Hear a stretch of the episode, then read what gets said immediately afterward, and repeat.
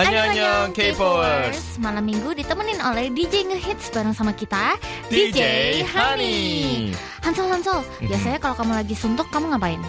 Kalau suntuk ya di rumah nonton YouTube atau makan makanan yang enak kalau aku. Kalau Nuna gimana? Kalau aku sih pasti dengerin K-pop dong. Promosi gitu ya. wah pinter ya promosinya soft banget ya nggak belak belakan promosinya. Hmm, Ayo dong harus dong karena kita kan DJ-nya K-pop gitu. Benar-benar. Nah belakangan ini kamu ngapain aja nih? Belakangan ini karena baru menjadi full time youtuber ya. Wah, congratulations Yo, yo. and celebration full time youtuber teman-teman Ya, K-pop. jadi eh, agak ini sih agak sibuk karena berusaha menyibukkan diri sendiri lah. Kalau di rumah kayaknya kayak nggak nggak apa ya, kayak nggak hidup gitu menjadi bosan. Jadi kayak berusaha menyibukkan diri sendiri. Berarti harus keluar terus gitu kan? Ya makanya seperti Oh, nice, nice. Oke, teman-teman Hmm. Kepo yang lagi suntuk jangan lupa untuk mendengarkan Kepo.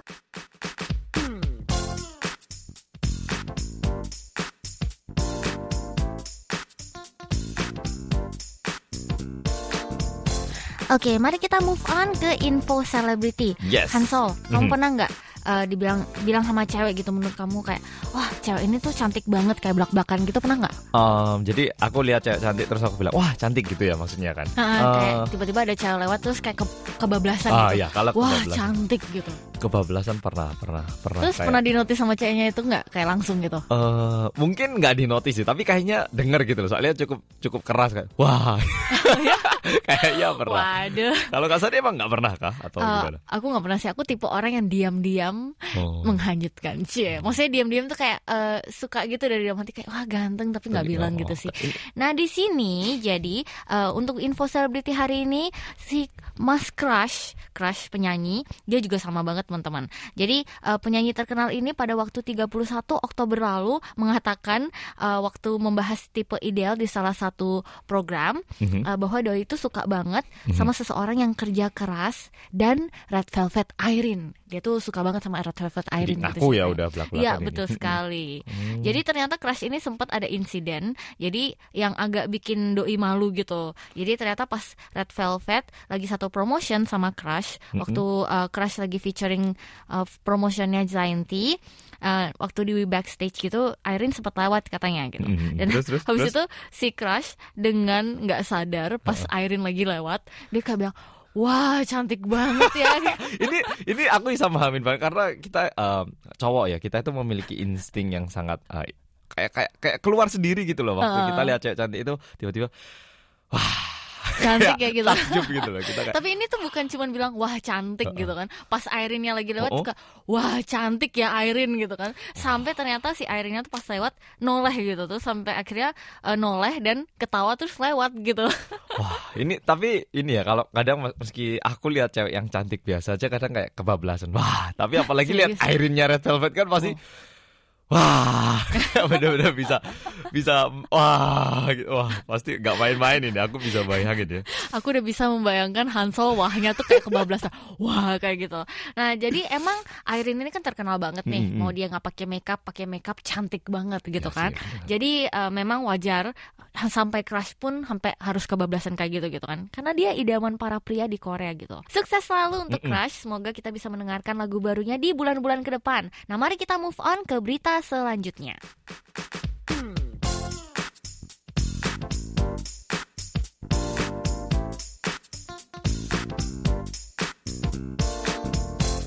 Hansol Hansol tahu Yap, nggak yap, sih yap. Eh, kalau Jessie, kamu tahu nggak Jessie? Oh, Jessie. Ya, Jonan yang suaranya agak serak-serak, Iya, agak iya. manly-manly cowok-cowok gimana itu Iya. kan. Tahu lah kenapa kenapa. Nah jadi ini apa namanya teman-teman Kepo Mm-mm. uh, Hansol uh, sudah menjadi true Kepoers gitu. Oh. Ah, sudah bisa men- uh, sudah bisa tahu ya namanya Jessie itu siapa aduh, gitu. terima kasih guys. Wah, sudah improve ini mari kita kasih A plus. terima kasih. Oke, terus kenapa? Jessie kenapa kenapa tadi itu? Kita jadi lanjutin. jadi Hansol Mhm. uh, ini apa namanya Jessie ini sudah dikabarkan kontrak uh, dengan agensinya yang Y- YMC Entertainment ini udah berakhir pada tanggal 31 Oktober lalu. BTW ngomong-ngomong banyak banget yang terjadi pada tanggal 31 Oktober ya. Ya, Kayak tadi aku bilang yang Mm-mm. crash pada tanggal 31 Oktober, yang ini juga 31 Oktober gitu. Halloween juga. Oh iya bener banget. Terus eh, berarti Jesse udah selesai kontrak, dia bakal pindah atau gimana? Ada kabar lanjutannya nggak nih? Nah, di situ pertanyaannya, Mm-mm. apakah Jessie ini bakalan masuk ke label Korea atau dia akan join label Amerika? Menurut kamu gimana nih? Ah, aduh, tapi gimana? Emang cocok ya karena Jesse ada feel-feelnya American Iya style kan, gitu iya sih. kan? Aduh, lebih kayaknya dua-duanya cocok sih, aku bilang. Tapi sepertinya eh, aku berharap di Korea deh kayaknya. Oh Kalau ya? aku secara pribadi kayaknya. Kalau aku feeling aku, soalnya kan dia lumayan deket nih sama Mm-mm, J Park gitu kan, dan mm-mm. J Park ini kan de, uh, atau CEO-nya J, foundernya AOMG, AOMG gitu betul. kan. I Menurut aku dia tuh sangat cocok banget sih sama image-nya AOMG, soalnya kan AOMG kan very free, hip hop, ya hip hop dan kayak gimana ya, American style banget. American style yang seksi-seksi, yang gimana yang ada Mm-mm. charmnya sendiri gitu kan. Tapi at the same time aku juga mikir um, kayak Jessie ini juga bisa ba- bisa banget untuk terjun di Amrik gitu. Oh, hmm, oke. Jadi kalau aku mikirnya kenapa lebih cocok di Korea karena Jessie itu udah American style banget gitu loh. Nggak Mm-mm. perlu diperlebih lagi. Nah, aku merasa kayak dipadukan sama uh, Korean style lebih itu kayak lebih fusion gitu loh, lebih um, mixnya tuh bikin lebih beda menurutku. Semoga Jessie semakin sukses ke depannya wherever you are.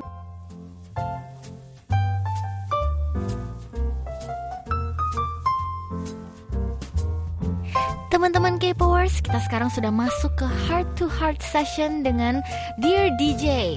Ayo Hansol mau dibacain nggak suratnya dari pendengar K-Po untuk hari ini? Tentunya saya bacakan ya. Ini dari Mamlu Farabi. Oke. Hai Mamlu. Halo, ini saya bacakan langsung. Halo DJ Hani, salam kenal. Ini tulisan pertama saya di segmen Dear DJ. Waduh, terima kasih sudah Wah. berani atau mau mengirimkannya.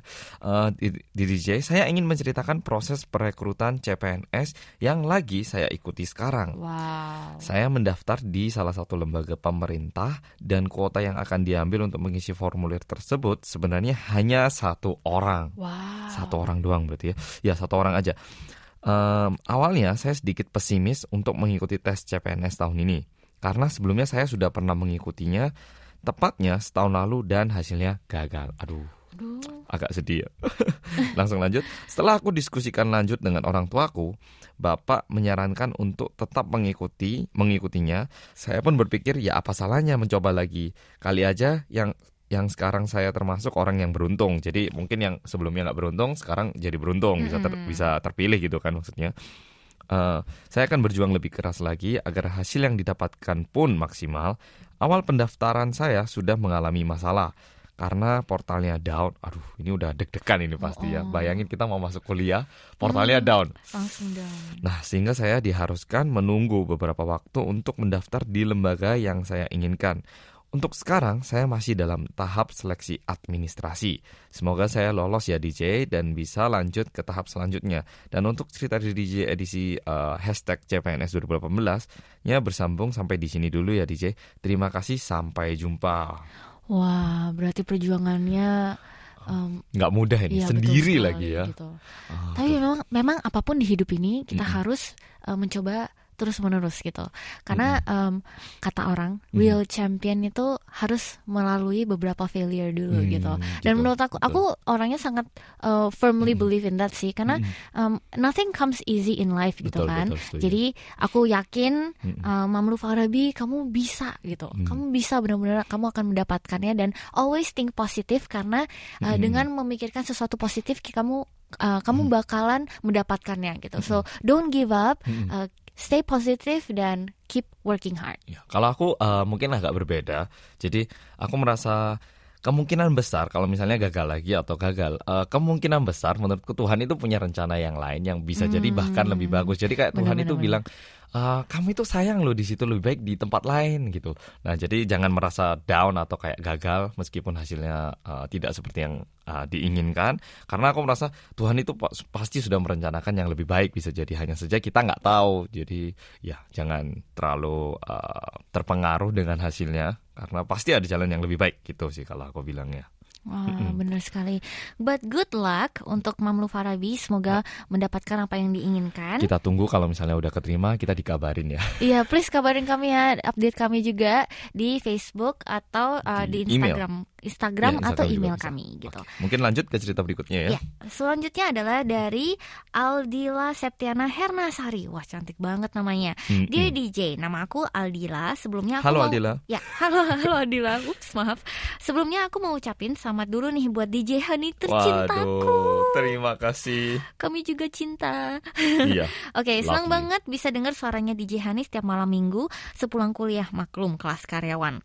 Aku bangga banget sama DJ Hani sudah ikutin dari YouTube sampai ke radio ini. Aduh, Waduh, tersentuh banget ya. terharu banget gak sih? Aku Wah, pengen beneran. nangis.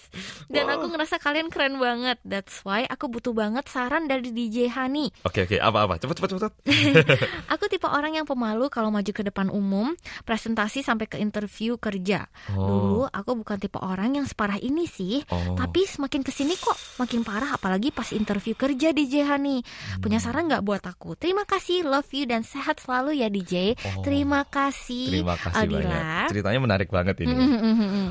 Jadi ini eh, kalau singkat singkat cerita dulu itu agak eh, kayak nggak berani, nggak pede untuk bicara di depan orang-orang dan berjalannya waktu semakin nggak pede kan ya, apalagi interview kerja ini. Eh, dulunya katanya nggak nggak seperti itu, Mm, tapi semakin, semakin. sekarang iya begitu sekali. Hmm, kalau Kak Sani gimana ini? Apa hints ini tips yang mau diberikan? Aku juga sebenarnya waktu kuliah agak takut sih kalau disuruh seminar atau Oh ya? suruh suruh maju ke depan untuk presentasi gitu. Oh, Aku tipe emang eh, untuk teman-teman yang udah nonton YouTube Mm-mm. channel, aku eh, udah pada tahu aku sebenarnya orangnya agak sedikit introvert gitu kan. Jadi kalau Hmm, disuruh eh, ngomong di depan orang banyak, aku su- suka ngangengok gitu. Kakekok apa itu kakekok? ngangengok tuh maksudnya kayak eh, eh, eh, eh, eh, gitu Oh, ya, kan. eh, eh. Jadi Salting lah. awalnya aku mikir kayak oh ini gimana nih orang-orang pada ngeliatin aku gitu kan. Hmm. tapi at the end of the day sebenarnya kita nggak usah harus ngeliatin orang-orangnya. Kita bisa melihat belakangnya orang itu gitu Ya, kan. biasanya jam dindingnya Iya, jam gitu kan. dindingnya atau apanya at least biar kita bisa konsentrasi dan nggak terbata-bata.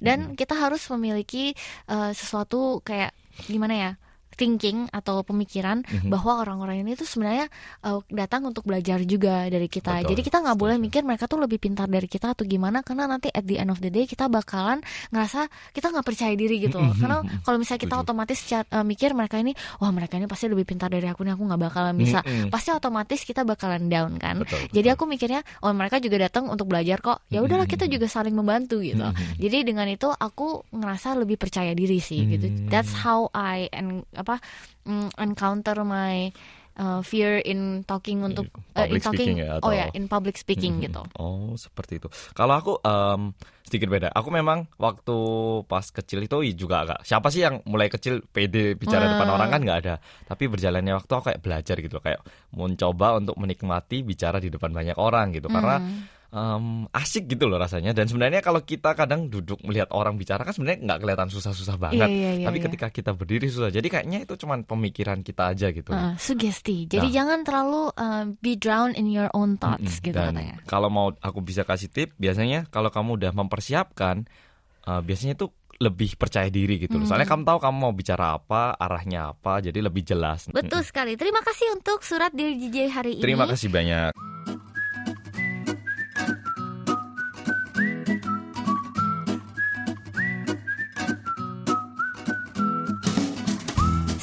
Kita move on ke kata kamu kata aku Teman-teman pendengar Kepo Sekarang kita bakalan membacakan komen-komen yang kami udah pertanyakan di postingan Facebook page KBS WRI Dan ada nggak sih hal yang teraneh di bucket list kalian? Kita kemarin nanya yang ini nih Apa sih misalnya kalau kalian eh, Misalnya kalau kalian Mm-mm. ada bucket list Nah Yang paling- hal yang teraneh yang kalian pengen lakukan itu apa gitu? Waduh ini sebelum kita mulai aku udah excited karena ini uh, ini yang paling aku suka, segmen yang paling aku suka. Oke, langsung kita mulai dari komen yang pertama mungkin ya dari Oke. Kak Sani dulu deh yang baca. Ini dari Angel Careza. Waktu SMA pengen banget telat Hah? sekolah biar masuk BK. Emang nggak pernah telat berarti ya? Oh berarti nggak pernah telat. Pasti ini anaknya disiplin banget ini. Loh, kalau gitu kan gampang kan tinggal datang telat kan apa susahnya? Ya mungkin mungkin mungkin orang tuanya eh, suruh dia ke sekolah ya. Oh, Suruh si mbaknya nih ke sekolah awal gitu kali ya.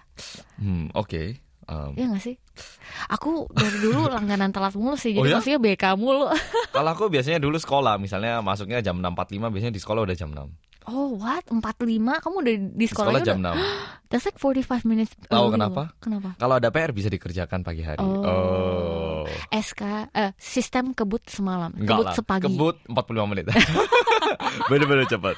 Oke, jadi oh ini bucket list yang unik ya. Aku nggak pernah Hmm. kepikiran untuk punya bucket list pengen masuk sekolah telat biar masuk Iya ya, aku juga nggak pernah kepikiran loh. Hmm, oke, langsung kita move on ke berikutnya dari Novi Eka Setiani Hernadi. Uh. Hmm, pas pertama kali punya SIM motor atau mobil, pengen banget ditilang, dirahasia sama polisi, biar bisa nyombongin SIM-nya. Hahaha. Oh, wah aku nggak pernah kepikiran sampai kayak gitu loh. Ini- Maksudnya biar bisa nyombongin SIM gitu. Ini istilahnya kayak mungkin eh, apa ya? Kayak ada orang apa ini ya? Aku bisa mahamin dikit sih. Aku bisa mahamin dikit kayak ditilang dengan PD-nya. Oh, SIM Pak. Ini loh. Waduh, dikeluarin. SIM Wes, A, SIM wes, C. wes. Berlaku hingga waduh. Ya sih, aku bisa mahamin dikit. Aku bisa mahamin dikit sih. Aku aku dulu sempat ada episode lucu banget ini. Hmm. Kayak Jadi apa, eh, apa? waktu aku kuliah Mhm. eh, di Jogja Aha. dan aku waktu itu lagi mem- eh, ini apa? Lagi baru ini memperpanjang gitu kan. Jadi SIMku kan SIM. mati. Oh, punya SIM dulu. Hmm, Oh, oke. SIM-nya mati, terus aku lagi proses per- perpanjangan gitu Mhm. kan. Jadi waktu itu kalau nggak salah aku tinggalin SIM aku di rumah. Terus habis itu SIM-nya ya udah mati gitu Oh, kan. oh, oh. Ya udah aku tinggal di rumah. Terus pas aku lagi OTW ke kampus, razia Oh dong. my Dan god. oh my god, kalian mesti tahu teman-teman K-popers, kalian mesti tahu eh, ini jangan dicontoh ya. Cuman itu aku kepepet banget gitu kan. Jadi aku lagi eh, naik terus naik motor, disuruh nyamping gitu kan Uh-uh. razia kan. Terus habis aku langsung panik ini gimana nih saya harus bayar atau waktu itu zaman kuliah saya kere banget gitu kan. Kere bahasanya mati aku kere. Oke. kere banget terus aku pikir ini gimana kalau ditilang mampus nih gitu kan. Terus habis itu pas aku eh, udah di bagian aku di razia gitu kan. Mana nih SIM-nya gitu kan. Terus aku bingung, waduh ini em, Gimana? gimana gitu kan akhirnya aku ngomong bahasa Cina yang aku nggak pernah dengar sendiri gitu kan Oh, sok-sok orang Cina gitu. Sosok seseorang Cina Oh. gitu kan oh siap siap gitu kan sama maaf banget ya guys aku bukan bukan maksudnya gimana Ini bukan gitu contoh yang baik, Ya, cuman, eh, cuman alternatif oke. saya aku mikir kalau pakai bahasa Inggris pasti ini pasti bisa gitu kan. Oh. Aduh, gimana nih caranya Oh. gitu. Akhirnya aku ngomong pakai bahasa Cina gitu kan. Aku nggak pernah ngomong pakai bahasa Cina gitu. Terus masih bingung gitu kan. Yang uh, bapak polisi terus habis itu aku uh, dia bilang eh ah, apa eh, your ID ID gitu kan. Oh siapa siapa gitu. Aku kayak nggak tahu gitu kan. Bahasa Prancis atau bahasa Cina ini?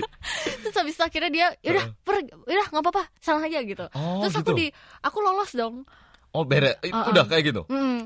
What? Dan dua minggu kemudiannya aku masih kena tilang kena ra- razia dan Oh. waktu itu kartuku belum datang. Saya kan perpanjangnya di Bali Oh, kan. Terus gimana? Sama juga gitu. Bahasa Bahasa, Cina Korea, lagi? bahasa Rusia aku aku gonta-ganti gitu. Jangan ditiru di rumah ngemeng-ngemeng ya. eh, saya mencari bapak atau bapak polisi di Jogja yang pernah bertemu orang yang berbicara bahasa aneh. Tolong dikirimkan ke email kita ya, biar kita ceritakan kembali. Tenang Pak, saya sekarang udah punya SIM kok. Jadi nggak apa-apa. ya. Oke. Saya warga yang taat. Lanjut ke berikutnya. Don't try this at home.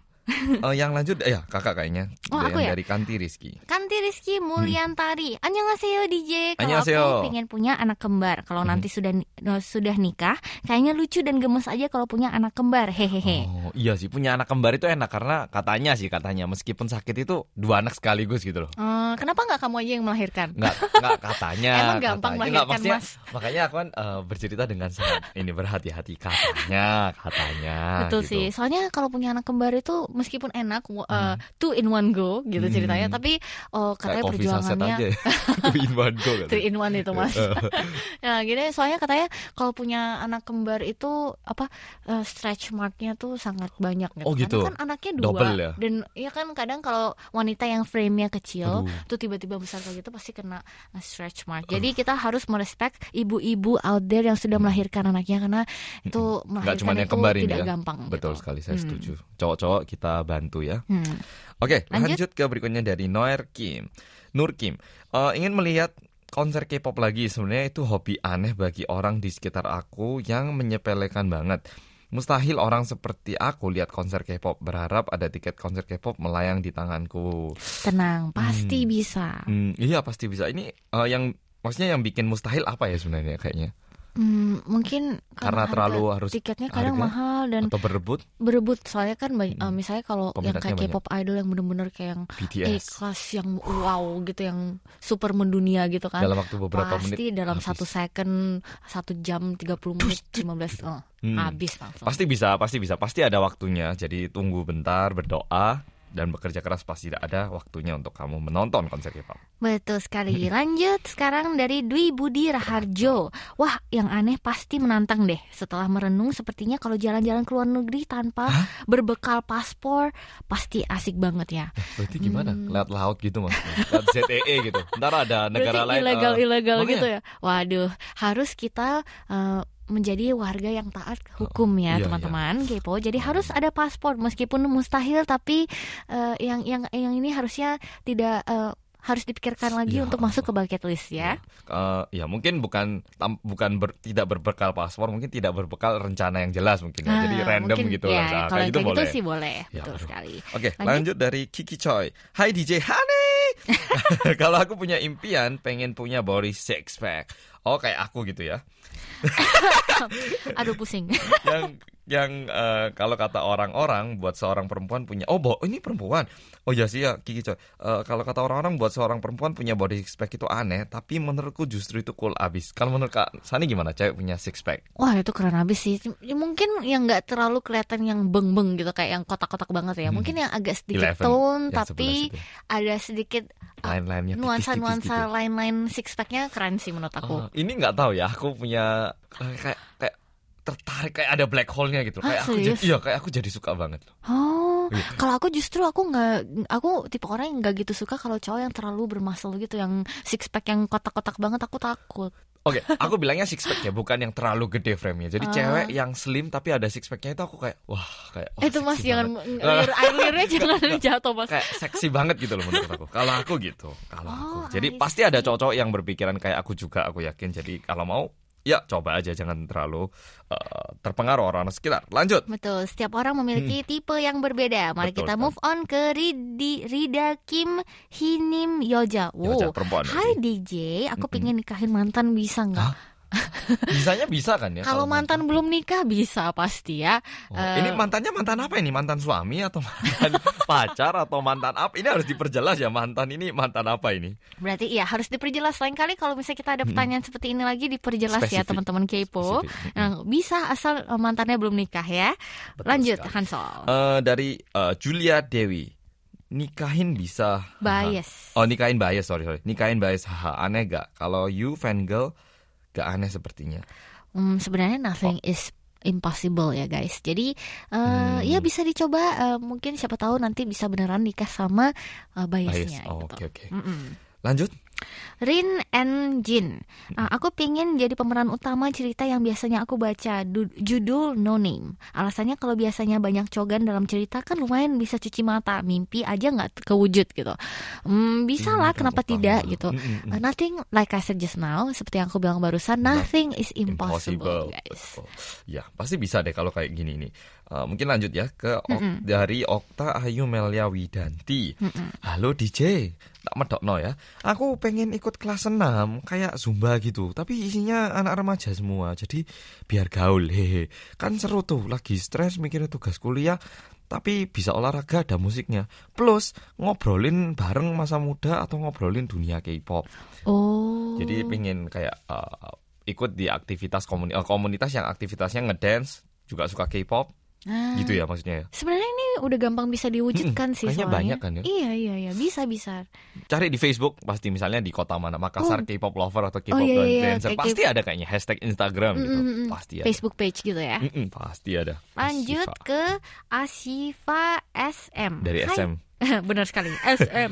Hai DJ, untuk para pecinta K-pop yang pasti yang pasti sih nikah sama biasnya. Hehehe. Tapi aku ingin menjadi produser musik, stylist, koreografer para artis K-pop DJ. Kan lumayan bisa dekat-dekat sama mereka terus. Wah, bener banget ini Oh. nothing is impossible, teman-teman. Pasti bisa. Tapi mau- kalau aku boleh tambahin mungkin eh, jangan karena bisa deketin mereka tapi mungkin impiannya memang ke dunia musik gitu loh Betul. sekaligus. Nah, itu lebih Ah. baik. Jadi tujuannya lebih diperjelas kayaknya menurutku ya. Hmm, bener banget. Tapi bener mungkin banget. kok ya, nggak mungkin nggak kan ya? Nggak ada kata nggak mungkin kan ya? Hmm, bener banget. Oke, berarti kita langsung ke pesan terakhir dari Kuni Sangadawati. Ah, Sangadati, maaf, maaf ya, maaf, maaf, maafkan saya. Bener, maaf. Mungkin ini gak aneh DJ, tapi konyol, hehe. Aku pengen naik sepeda dari rumah ke Pantai Parangtritis di Jogja. Wow. Kalau naik motor jaraknya kira-kira sejam. Itu pun kalau nggak macet. Buka map jaraknya 40 km. Wow. Jauh itu. Pernah dengar ada tetangga yang naik sepeda ke Gunung Kidul. Cowok tapi, uh, dari rumah matahari sebelum terbit, subuh ya istilahnya, sampai matahari tenggelam alias maghrib baru nyampe tujuan. Jalannya pas naik gunung, sepeda dituntun, wong aneh kan iku DJ, aku juga pengen tapi kan ada yang lebih jauh dari itu. Jadi em, tetangganya ada yang berhasil ke Gunung Kidul dan eh, aku nih sangat hati pengen nyoba sampai Parangtritis yang jaraknya 40 km naik sepeda pancal ini. Oh, sebenarnya nggak aneh menurut aku itu sangat bagus loh untuk uh, Hmm. bucket list gitu kan. Karena it's something that kita bisa men-challenge diri kita sendiri gitu nggak sih? Iya, tapi kalau aku nyaranin kalau bisa bareng beberapa orang lebih bagus. Eh, daripada sendiri ntar pingsan di tengah Iya, jalan. bisa pingsan, bisa bosen. Kalau bareng kan saling memotivasi. Ayo dikit lagi, Ya, dikit kita lagi, bisa. dikit lagi, dikit Fighting, lagi. Padahal gitu. baru satu kilo. Sisanya 39 kilo gitu. Tapi paling nggak lebih ada vibe yang mendukung kayaknya. Uh, uh, kalau bener bareng-bareng. banget. Wah, Kalau Kak Sani ada nggak bucket list yang um, weird atau aneh-aneh gitu? bucket list aku, aku pengen skydiving. Sekali-sekali. Oh. Skydiving soalnya aku orangnya tipe yang takut terbang sih. Jadi takut terbang apa-apa yang berhubungan dengan langit jatuh kayak gitu aku takut. Tapi aku pengen nge-challenge diri aku sendiri untuk skydiving. Oh. Atau enggak boleh lah bungee eh, bungee drop ya. Ja, ja- jump, jumping. ah, bungee jumping.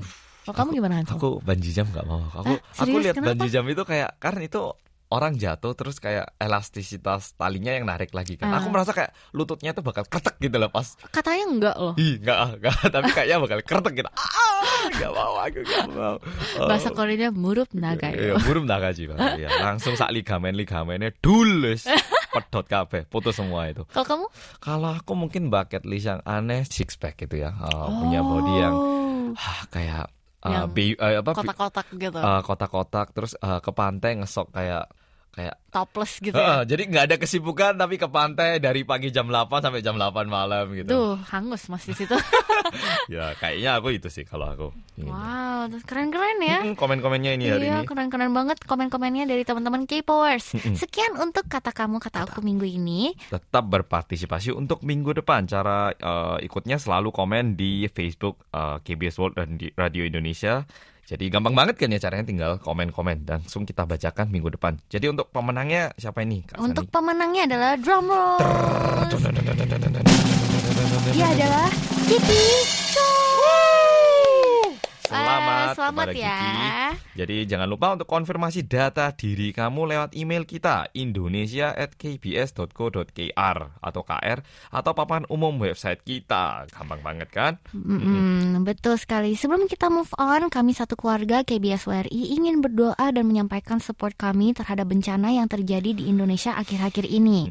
Untuk teman-teman K-Powers, jangan lupa untuk support dengan doa di post Pray for Palu di Facebook KBS World Radio Indonesian Service ya. Ya, dan tentunya kita juga ikut berduka cita atas kejadian Lion Air yang baru-baru akhir-akhir ini terjadi ya. Betul sekali. Tentunya.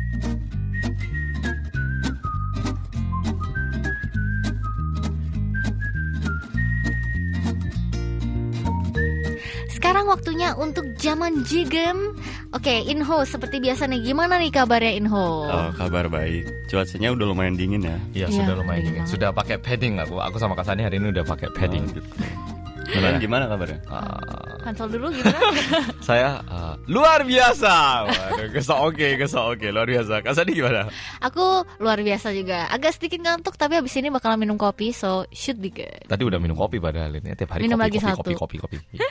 Minggu ini Inho habis ngeliput apa nih? Nah, minggu ini tuh kan minggu akhir Oktober ya. Mm-mm. Tandanya itu minggu Halloween. Iya. Langsung Kak, sorry tadi baru ada kejadian makanya kayak teringat kembali. Teringat kembali. Betul. Oh iya ya, berarti eh, ngeliput tentang hal- Halloween ya pastinya, pastinya Nah, berhubungan betul banget. Nah, jadi gua ngeliput gimana ramenya suasana Halloween di Korea. Soalnya kalau di Indo kan jarang ada yang ngerayain Halloween. Betul betul. Oh iya di Indo kayaknya nggak terlalu banyak gitu ya yang ngerayain. Terus lu pergi ke mana? Oh, gua kemarin abis dari Taiwan. Soalnya eh, setahu gua tiap di tiap Halloween tuh di Taiwan rame banget katanya. Hmm, iya di sana kan banyak orang asing ya banyak. Mm-mm. Eh, eh, ceritain dong gimana suasananya di sana? pas gue baru sampai stasiun Itaewonnya aja, gue udah ketemu beberapa anak muda yang dandannya udah macem-macem ya serem-serem kayak zombie-zombie gitu. Itu berarti mereka dandannya dari rumah atau gimana itu maksudnya? Ada yang udah dandan di rumah, tapi banyak juga yang dandan di sana soalnya banyak kayak jasa dandanin gitu. Oh. Jadi kita bisa milih pengen di make up ala hantu apa gitu di sana. Oh, serius juga ya. Jadi jalan-jalan gitu banyak ada yang nyediain jasa rias gitu. Iya, terus banyak banget loh sampai sampai nggak kehitung tuh. Jadi di pinggir-pinggir jalan tuh banyak orang lagi duduk sambil pada riasin Oh. gitu. Waduh keren itu pastinya. Itu emang apa hasilnya bagus-bagus gitu ya? Pastinya Iya. bagus sih kayaknya. Itu emang berapa sih kalau sekali kita gitu? Em, harganya tuh gue lihat mulai dari 10.000 ribu won sampai 30.000 ribu won. Pokoknya tergantung levelnya lah. Ada yang cuma luka goresan doang sampai luka yang ekstrim kayak luka bakar. Wow. Mhm. Terus kita juga bisa minta diriasin kayak ala-ala Joker gitu. Wah. Oh, banyak juga Keren ya ya. pilihannya. Mhm. Terus lu nyoba didandanin juga gitu nggak? Ah iya sih sebenarnya pengen coba cuma gue waktu itu harus buru-buru balik soalnya kan kakak gue besoknya mau lahiran. Oh iya. jadi partinya gue lanjut di rumah aja. Iya iya iya jadi oh iya benar juga masa eh, apa pas kakaknya lahiran datang pakai joker gitu nggak lucu juga iya. By the way selamat ya selamat untuk Iya. udah punya ponakan udah jadi om. Ini cewek apa cowok nih? Cewek nih. yang Oh, iya. Oh, congratulations. Oh, oh, and and nih. celebration. Kalian udah pada punya ponakan belum? Belum. Udah dong. Oh, Gue juga baru lahir sebulan lalu. Oh sebelah. Wah. Hmm, cewek lucu banget. Mhm. Aku belum. She's so cute. Belum ada. Belum ada. Eh kita kok malah ngomongin keponakan nih? Oke oke oke lanjutin dulu. Terus gimana nih? Ah, oh ya, terus ada juga kayak orang-orang yang jualin aksesoris Halloween. Misalnya kayak Oh. topeng-topeng sama topi yang desainnya Halloween gitu. Oh, jadi nggak cuma tata rias ya, ada yang jual ini equipmentnya gitu. Itu Iya. gimana? Unik nggak? Ada yang ada yang wah gitu nggak? Oh iya ada. Jadi menurut gua tuh ya yang yang uniknya tuh Mhm. ada kayak semacam ikat kepala gitu. Mhm. Eh, tapi ditambahin hiasan kayak kapak gitu. Heeh. Jadi kalau kalau kita pakai itu kesannya kayak ada kapak nancep gitu di kepala kita. Kayak di, dipotong gitu ya Ah. gitu kepalanya. Wah, my god. Wah unik juga ya tuh. Eh, eh terus mereka di Taiwan tuh pada ngapain sih? Eh, mereka sih jalan-jalan gitu aja sih sebenarnya ya. Cuman kayak makan, nongkrong, Oh. nongkrong di bar atau ke klub gitu kan. Hmm, berarti itu restorannya, barnya atau toko-toko yang ada di situ tuh lebih dihias, didesain kayak konsep Halloween mungkin ya. Oh iya pastinya jadi dari restoran-restoran yang gua lihat ya hampir semuanya tuh oh pakai hiasan-hiasan labu atau tengkorak gitu. Wow. Bahkan sampai ke pegawainya juga pakai ala-ala Halloween gitu ya. Wah kalau gitu bener-bener kerasa banget ya suasana Halloweennya. Oh pasti banyak juga toko-toko yang jual eh, aksesoris Halloween gitu ya? Oh iya jadi gue juga sempat mampir ke Line Line Friends Store ya. Di sana Oh. juga Halloween abis sih boneka-boneka yang gedenya pun di dihias ala Halloween. Oh, tapi ini dihiasnya serem atau cute-cute? Gimana? Lucu-lucu gitu sih dihiasnya Oh, tetap imut lucu ya. Hmm. Heeh. Ada juga kostum Line Friends yang pakai labu-labu gitu cewek-cewek pasti pada suka. Wah Halloween tahun ini kayaknya rame banget ya perayaannya. Mungkin tahun depan mungkin ya aku nyoba didandanin gitu deh biar kelihatan kayak wah Halloween. Gitu. biar seru gitu ya gak sih? Iya pada ikutan gih buat seru-seruan lumayan. Mm-mm. Oh jadi nggak sabar banget lihat foto-fotonya. Oh fotonya kayak biasa ada di world.kbs.co.kr slash Indonesian. Oh terima kasih banyak Inho atas updateannya yang kece juga Menarik minggu banget ini. Ya sama-sama. Makasih banyak. Makasih. See you next week. See you. Bye. Bye.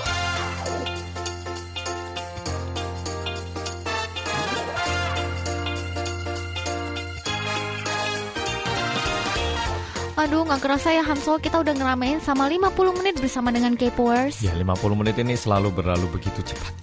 Bener banget. Sampai ketemu lagi minggu depan ya para K-Powers. Hari ini cukup sampai di sini dan tetap Kepo.